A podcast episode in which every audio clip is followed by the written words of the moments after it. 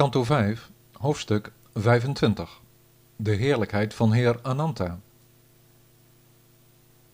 Sri Shukazai. Op een afstand van 38.000 yojana's beneden de basis gevormd door Patala, houdt hij zich op die, als een deel van de Allerhoogste Heer, betrekking heeft op de duisternis en Ananta, de eeuwige, wordt genoemd.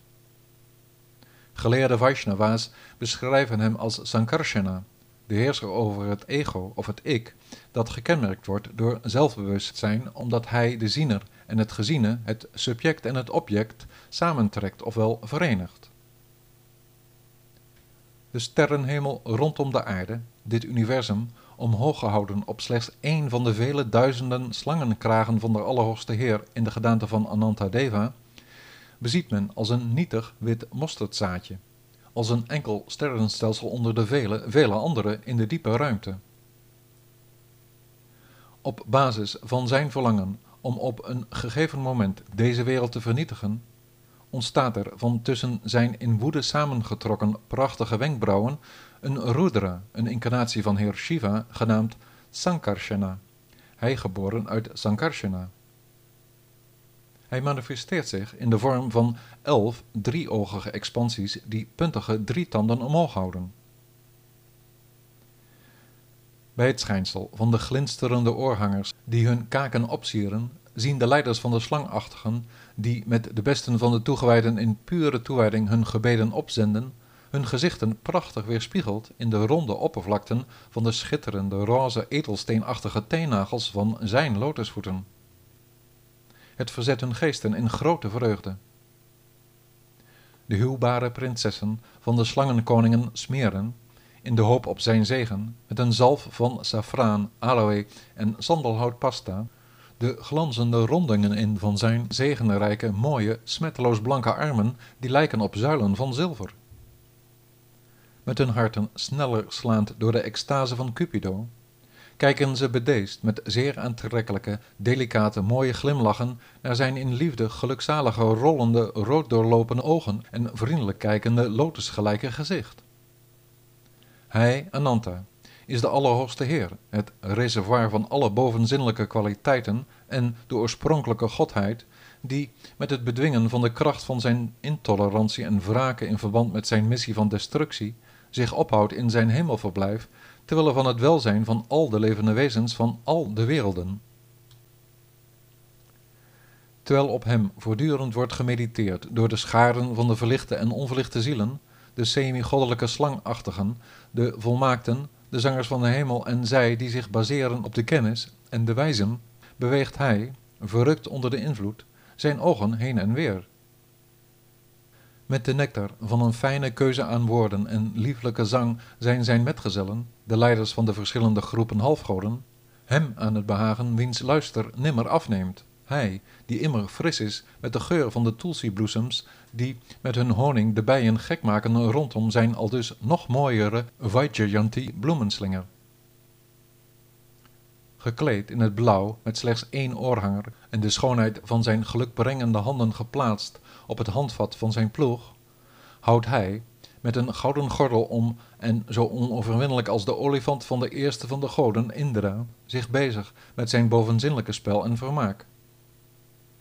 Zij, die de bevrijding zoeken en bij monden van de traditie, de parampara, vernemen over de heerlijkheid van deze ene Heer, zullen zeer spoedig de eeuwenoude knoop van Maya, bestaande uit hartstocht, goedheid en onwetendheid, doorsnijden, die, als gevolg van een neiging tot karmisch handelen, stevig in de kern van hun harten was gelegd.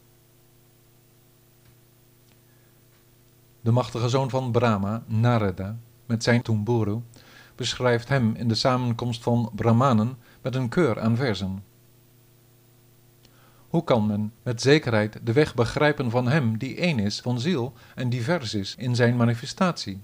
Van Hem wiens onbegrensde gedaante zijn aanvang niet kent? Van Hem door wiens blik de basiskwaliteiten van de materiële natuur, met de goedheid voorop, in staat werden gesteld te fungeren als de primaire oorzaken van schepping, handhaving en vernietiging? Vanuit zijn genade voor ons spreidde hij, volledig ontstegen aan deze manifestatie van oorzaak en gevolg, zijn bestaan tentoon in verschillende gedaanten. Hij die, opnieuw de geesten van zijn toegewijden voor zich opeisend, in zijn avonturen schittert als de meest vrijzinnige en machtige meester van alle wezens, die hij voor zich wint door zijn perfecte voorbeeld. Welke persoon in moeilijkheden ook, welke gevallen ziel ook, die per toeval vernam over hem of, alleen maar om mee te doen, zijn naam herhaalde of zong, zal meteen aan de eindeloze zondigheid, eigen aan de menselijke samenleving, een einde zien komen. Bij wie anders dan bij Heer Ananta Shesha, de hoogste persoonlijkheid, zou welke zoeker naar verlossing ook zijn hel moeten zoeken? Wie dan ook, hoeveel tongen hij ook heeft, kan alles opsommen waar de opperheer toe in staat is. Zijn onmetelijke vermogens zijn onbegrensd. Dit universum met zijn bergen, bomen, oceanen en wezens is niet meer dan een atoom gefixeerd op een kop van Ananta, hij die duizenden koppen heeft. Dit is nu de majesteit van de Allerhoogste Heer Ananta. Volledig zelfvoorzienend vormt hij, aan de basis van het ganse universum, met zijn onvergelijkelijke macht, de grootheid van alle kwaliteiten en heerlijkheid die, met de aarde verwikkeld in zijn avonturen, haar terwille van haar handhaving ondersteunt.